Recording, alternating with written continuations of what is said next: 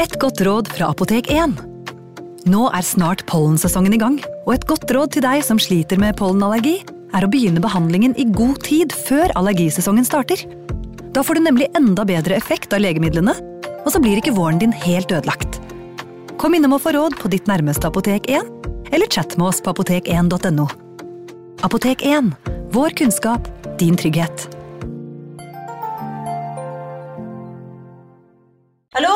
Jeg kommer fra Oslo politikammer. Ine Jansen er purk. Er du purk? The motherfucking bitch. Alt jeg vil, er å finne ut hva som skjedde med mannen min. Jon Carew. Er jeg sikta for noe? Iben Akeli. Det er du. Ole So, Lars Berrum og Big Daddy Karsten. Hvem sin side er du på, egentlig? Anette Hoff, Tone Danielsen, Kommer du fra Afrika? Jørnis Josef, Nesten kløfta. Trond Espen Seim, Det er synd å si det, men det var feil mann som døde. Purk.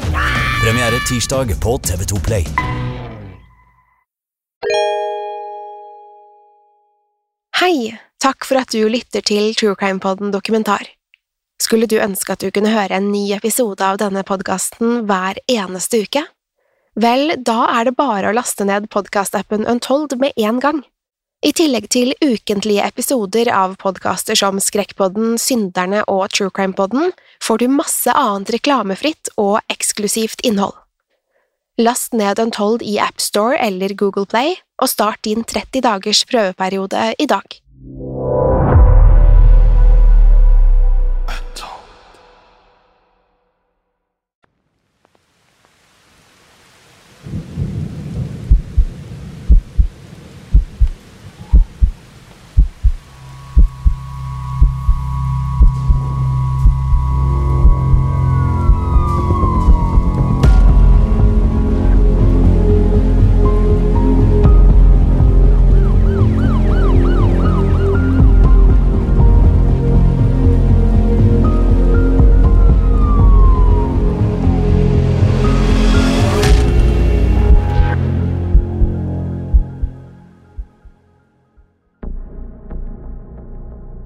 David lå og stirret opp i taket på det bekmørke soverommet. Han hadde pakket puten rundt ørene i håp om å stenge den forferdelige ulingen ute. I tre netter i strekk hadde han måttet tåle den øredøvende bjeffingen fra nabolagets hunder. Nå var han i ferd med å gå på veggen.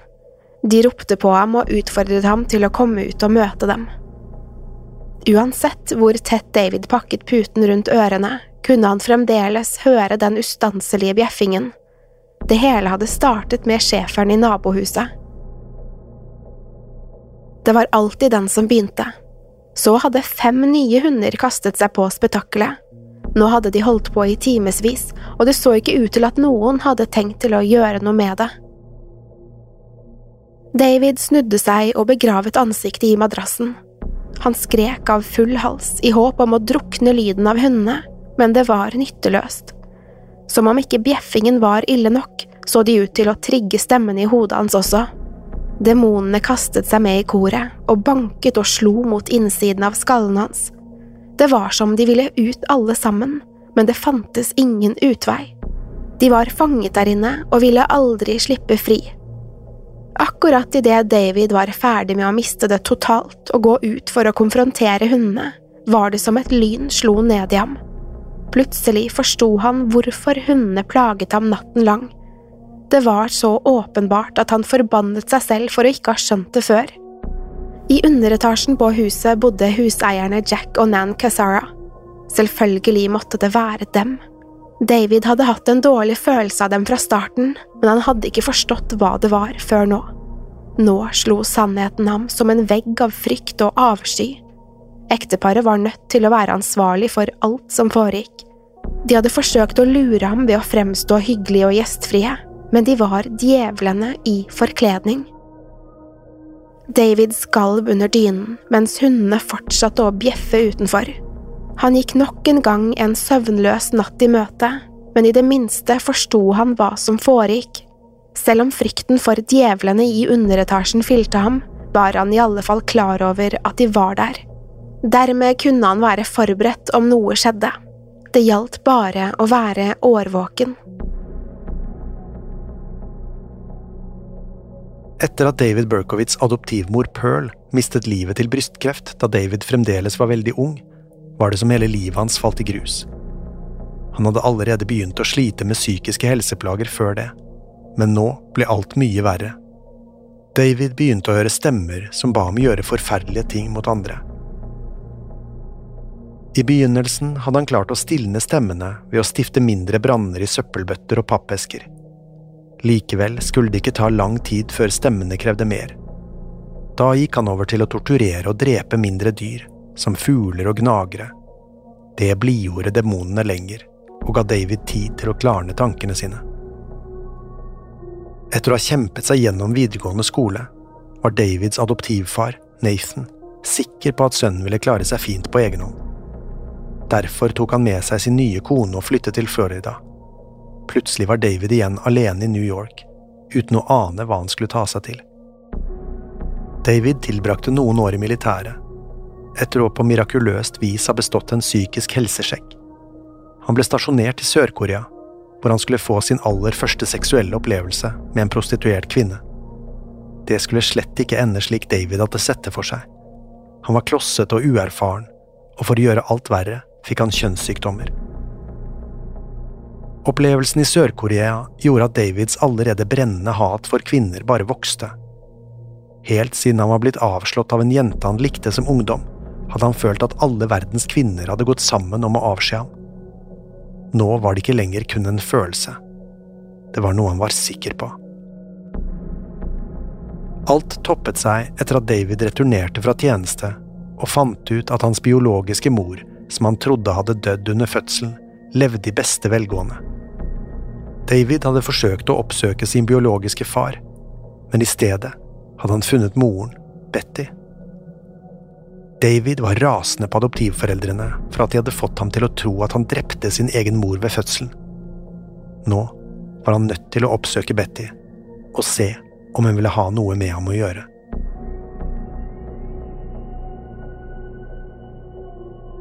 David sto utenfor døren til leiligheten der han hadde hørt at Betty bodde. Hele veien dit hadde han forsøkt å finne ut av hva han skulle si, men det var håpløst. Alle tankene og følelsene hans hadde blandet seg sammen til et uendelig kaos. Hat, forvirring, lettelse og frykt, alt var blitt til en eneste stor krøll i hodet hans. Hele livet hadde han vært sikker på at moren var død, men nå skulle han kanskje få møte henne. Ikke bare trodde David at hun var død, men han var også sikker på at det var han selv som hadde tatt livet av henne ved fødselen. Han banket lett på døren før han stakk hånden tilbake i lommen. Der knuget han om skaftet på en liten sprettkniv. David ante ikke hva han skulle gjøre med den, eller om han kom til å trenge den i det hele tatt. Likevel føltes det trygt å ha den der, bare i tilfelle. Et par sekunder ble David stående og lytte etter enhver lyd fra innsiden av døren, men der inne var det stille. Plutselig fikk han høre lette, raske skritt over parketten der inne. Hjertet hans hamret fortere, og stemmene skrek ham i øret. Han strammet grepet rundt kniven i lommen idet han hørte klikket fra låsen. Døren svingte opp, og der sto en middelaldrende kvinne. Hun stirret uforstående på David og spurte om hun kunne hjelpe ham med noe. Et øyeblikk klarte ikke David å si et ord. Han var blitt paralysert av synet på sin egen mor. Det var helt til han fikk se øynene hennes. Det var de samme øynene som stirret tilbake på ham i speilet. Da var det som om alt vondt var glemt. Grepet om kniven løsnet, og han tok hendene ut av lommene. Da David fikk forklart hvem han var, var det som Betty lysnet opp. Hennes forlorne sønn hadde kommet hjem, og det var ingenting annet enn glede. Alle spørsmål og all tvil David hadde om hvorfor hun hadde gitt ham fra seg, var glemt. Betty inviterte ham inn og fikk høre om livet hans. Det tok ikke lang tid før David også fikk treffe halvsøsteren Rosalind. Endelig hadde han en ny familie som faktisk virket oppriktig glade for å ha ham der. I flere uker var han innom Betty nærmest daglig. De lærte hverandre å kjenne og tilbrakte mye tid sammen. Likevel skulle ikke gleden over å finne igjen familien hjelpe på Davids frustrasjon. Stemmene i hodet hans var fremdeles sinte og kravstore, og som om ikke det var nok, følte han at han hadde mistet troen på Gud. David hadde vokst opp i et jødisk hjem, men da han ikke følte jødedommen gjorde ham noe godt, konverterte han til kristendommen. Selv om endringen føltes god i starten, hadde han nok en gang begynt å tvile på troen sin. Likevel hadde han et spirituelt behov som måtte fylles.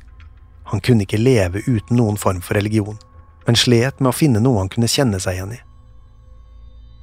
Det var helt til han oppdaget satanisme og djeveldyrkelse. David fordypet seg i tekster og bøker om djevelbesettelser, mørke ritualer og demonpåkallelser. Tekstene egget til ødeleggelse, død og anarki, noe David følte en mye sterkere forbindelse til. Jo mer han leste om djevler og demoner, desto sikrere ble han på at det var de som hadde pratet i hodet hans. De krevde blod og lidelse, mer enn noen gang, og ville ikke gi seg før de fikk det.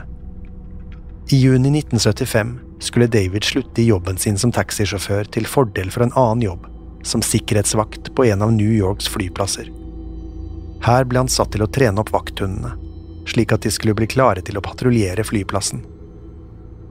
Det var her David skulle begynne å høre nye stemmer. Denne gangen kom de ikke fra hans eget hode. I stedet påsto David at det var hundene som pratet til ham. De var ikke noe mindre groteske og blodtørstige enn demonene i Davids hode. De krevde også at han gjorde grusomme ting mot uskyldige mennesker, og David måtte gjøre alt i sin makt for å prøve å stenge dem ute. Dette skulle til slutt skremme ham så mye at han sluttet i jobben etter kun noen få måneder. Likevel var mye av skaden allerede gjort. David skulle aldri ha det samme forholdet til hunder igjen. At David sluttet i jobben, skulle heller ikke bli slutten på stemmene. Tvert imot ble alt bare mye verre. Demonene skrek i hodet hans og befalte at han skulle adlyde. Det ble etter hvert så ille at David ikke kom seg ut døren de fleste dager. Han kuttet kontakten med så godt som alle han kjente, og isolerte seg. Selv Betty og Rosalind, som endelig var blitt en del av livet hans, slet med å nå ham. David falt dypere og dypere ned i galskapen. Han begynte å skrible merkelige beskjeder på veggene i leiligheten sin, hvor han skrev om demonene som plaget ham. Hver tekst som prydet veggene i leiligheten, vitnet om et sinn i oppløsning som når som helst kunne bryte helt sammen. David ble også stadig mer paranoid og var sikker på at alle i hele New York var ute etter å ta ham. Han trodde at alle hatet ham, spesielt byens kvinner. For David føltes det som de alle hadde gått sammen om å plage ham og gjøre ham så miserabel som mulig. For å få bukt med de aggressive stemmene i hodet, stiftet David bare mindre branner rundt om i byen. De var aldri større enn at de brant ned av seg selv, eller at tilfeldig forbipasserende kunne slukke dem. Likevel var det nok til å blidgjøre stemmene i kortere perioder. David holdt en dagbok hvor han skrev ned et notat hver gang han hadde startet en brann. Der skrev han hvor brannen hadde vært, hva han hadde tent på, og hvordan han hadde gjort det. I alt skulle dagboken til slutt ha 1488 notater. Vinteren 1975 skulle David stifte sin aller siste brann. Den siste tiden hadde stemmene kommet tilbake kun timer etter brannene. Det virket ikke som de lenger var fornøyde med ødeleggelsene. De krevde mer og skrek David i øret til han ikke holdt dem ut lenger. Stemmene ville ha blod fra unge kvinner og lovet å stoppe om han bare gjorde som de ba om. Julaften 1975 satte David seg i bilen og kjørte fra leiligheten sin til Co-op City, hvor han hadde bodd med adoptivfaren sin. Der begynte han å følge etter de unge kvinnene han fikk øye på. Hele tiden hadde han stemmen i hodet som diskuterte seg imellom hvem som skulle bli Davids offer. David påsto at han ikke ante hvem han var ute etter, men at stemmene ville si fra når de fant det rette offeret. Så, etter timevis med vandring gjennom boligområdet, la David merke til en ung, mørkhåret kvinne som sto alene på en parkeringsplass. Stemmene i Davids hode reagerte med det samme og pekte ut kvinnen som hans første offer. De egget David til å angripe, mens kvinnen fremdeles sto med ryggen til. David fant frem en jaktkniv fra innerlommen på jakken og nærmet seg kvinnen forsiktig. Hun sto og kikket utover parkeringsplassen og merket ikke David før det allerede var for sent. David løftet kniven over hodet og hugget til i ryggen til den uforstående kvinnen. Reaksjonen som kom, var slett ikke den David hadde forventet. I stedet for å falle i bakken, snudde kvinnen seg fortumlet og så på ham med et spørrende blikk. Et øyeblikk ble de bare stående og stirre på hverandre. Så var det som hun forsto hva som hadde skjedd. Da skrek hun så høyt at David skvatt bakover. Han satte på sprang nedover veien mens han hørte kvinnens skrik forsvinne i det fjerne. Hvem den unge kvinnen egentlig var, skulle ingen finne ut av. Angrepet ble aldri rapportert, og det dukket ikke opp noen død kvinne i området. Det var ikke før mange år senere at David innrømmet å ha stått bak angrepet. Dermed var det ikke utenkelig at det bare var noe han hadde fått for seg. Det som likevel var sant, var at David slett ikke følte seg fornøyd med kvelden. Det hadde ikke gått slik han så det for seg, og stemmene krevde fremdeles blod. Et par timer senere skulle han derfor peke seg ut et nytt offer. 15 år gamle Michelle Foreman var på vei hjem da David plutselig sto over henne. Før Michelle i det hele tatt rakk å reagere, hadde David løftet jaktkniven og stukket henne fem ganger i overkroppen og én gang i hodet. Det var tydelig at han ville forsikre seg om at offeret døde denne gangen. Likevel skulle han nok en gang bli skremt bort av at offeret skrek. Han satte på sprang og så seg ikke tilbake før han var kommet til bilen sin. Mens han satte seg inn, kunne han høre sirener i det fjerne, og forsto at noen måtte ha funnet Michelle. Han var sikker på at han hadde tatt livet av henne denne gangen. Ingen kunne overleve slike skader. Endelig var også stemmene i hodet fornøyde. Ikke bare var de glade, de var direkte hyggelige for aller første gang. Stemmene skrøt av ham og gratulerte ham for å ha gjort en så god jobb. David kjente hvordan lettelsen og gleden skylte over ham. Det hadde føltes godt å knivstikke jenta. For første gang i sitt liv følte han at han hadde kontrollen på noe. Han hadde vært ansvarlig for om Michelle skulle dø eller ikke. Det David ikke visste, var at Michelle på mirakuløst vis hadde overlevd de forferdelige skadene. Hun var blitt funnet av tilfeldige forbipasserende som hadde fått tak i en ambulanse. Etter over en uke på sykehuset hadde Michelle heldigvis kommet seg og skulle bli helt frisk. Det var til tross for at angrepet hadde vært svært traumatisk. Hun kunne ikke huske detaljer fra selve knivstikkingen, og kunne derfor ikke beskrive angriperen. Det passet David bra, for etter den kvelden hadde han funnet seg en ny hobby. Han var ute i gatene nærmest hver eneste kveld, hvor han fulgte etter unge kvinner. Selv om han ikke gikk til angrep på flere den vinteren, var følelsen av forfølgelsen alt David trengte. Når han hadde peilet seg inn på en kvinne, var det han som bestemte om hun skulle komme helskinnet hjem eller ikke.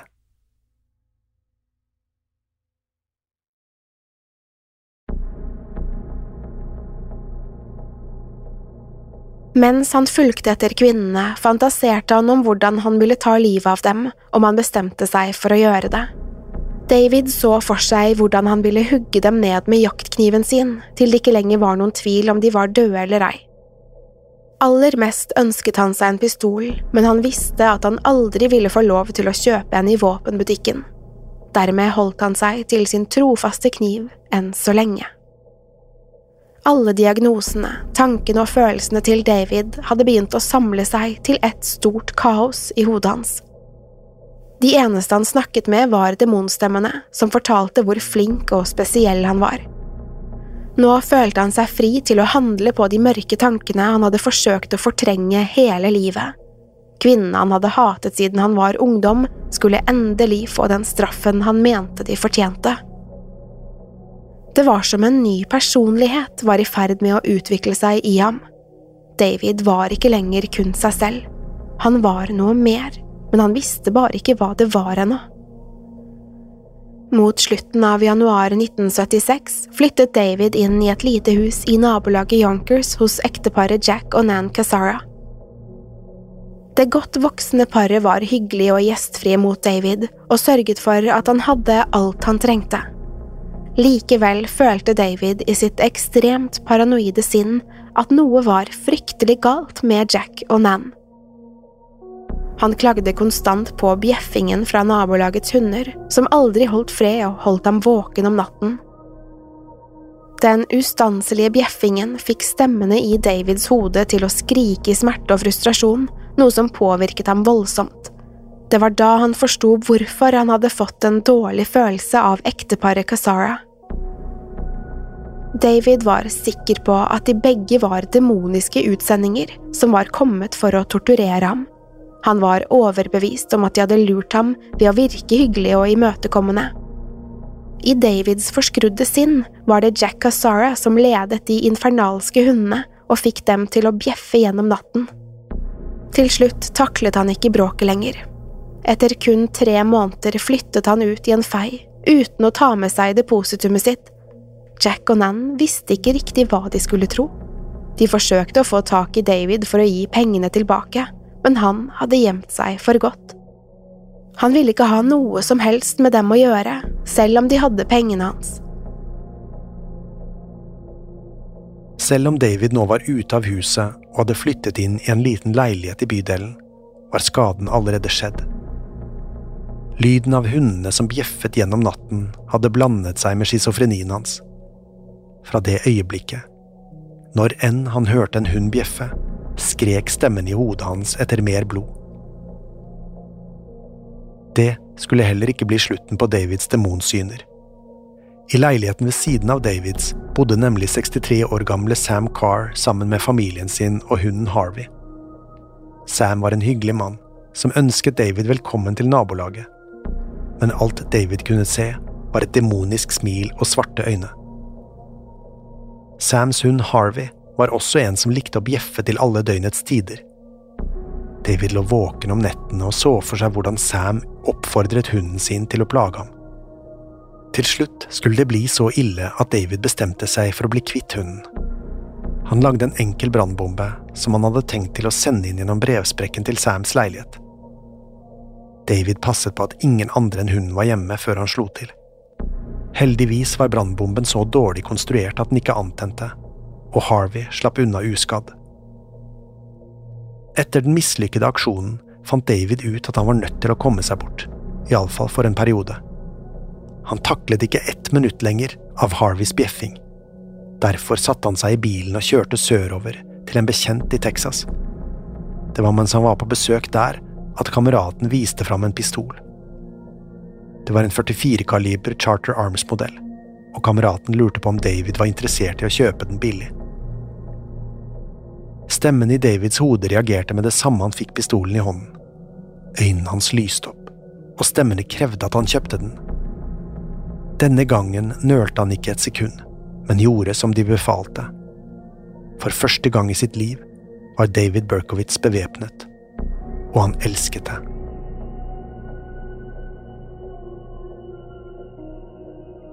Da David returnerte til New York etter oppholdet i Texas, fortsatte han å forfølge unge kvinner på kveldstid. Denne gangen var han enda farligere, med pistolen på innerlommen. Han fantaserte om å peke den mot kvinnene og få dem til å trygle om nåde. Stemmene egget ham til å bruke pistolen så fort som mulig, men David hadde ikke helt funnet motet ennå. Først var det noe ganske annet som krevde hans oppmerksomhet. En dag tok han med seg pistolen til døren til Sam Cars leilighet. Han hadde fulgt med på Carr-familien gjennom vinduet hele morgenen og visste nøyaktig når alle hadde dratt. Så snart alle hadde reist og latt hunden Harvey bli igjen alene, snek han seg ut. David stilte seg opp utenfor døren og banket lett på den. Straks begynte Harvey å bjeffe noe voldsomt der inne. Han ulte og gjødde, og David kunne høre hvordan han kom løpende til døren. Harveys poter traff innsiden av døren, og David visste han hadde lykkes. Forsiktig dyttet han løpet på pistolen gjennom brevsprekken og pekte den mot den ivrige hunden. Så trakk han av. Bjeffingen stanset med det samme, og David kunne høre hvordan hundekroppen falt i gulvet. I ukevis hadde han hørt den konstante bjeffingen som en syl i øret. Nå var det stillere enn han noen gang kunne huske det. Stemmene i Davids hode jublet og gratulerte ham, samtidig som de oppfordret ham til å fortsette å bruke pistolen. Følelsen hadde vært ulik noe han hadde opplevd tidligere. Smellet fra pistolen og hvordan den hadde rykket bakover i hånden hans, tanken på at han hadde avgjort skjebnen til hunden Harvey. Alt sammen var så enkelt. Med kun en liten bevegelse i fingeren hadde han blitt kvitt hundeproblemet sitt. Etter drapet på naboens hund var det som alle hemninger var visket vekk. Nå kunne David gå løs på de virkelige ofrene sine. Det var på tide å straffe kvinnene som hadde jobbet imot ham hele livet. I Davids forskrudde sinn var det ingen forskjell på dem alle. Ifølge ham fortjente de det de var i ferd med å få. David ladet pistolen og kikket seg i speilet. Den som stirret tilbake på ham, var ikke lenger han selv. Det var avkommet til han som David var sikker på at var demonen i leiligheten ved siden av, Sam Carr. Han var ikke lenger David Berkowitz. Han var hevneren, son of Sam.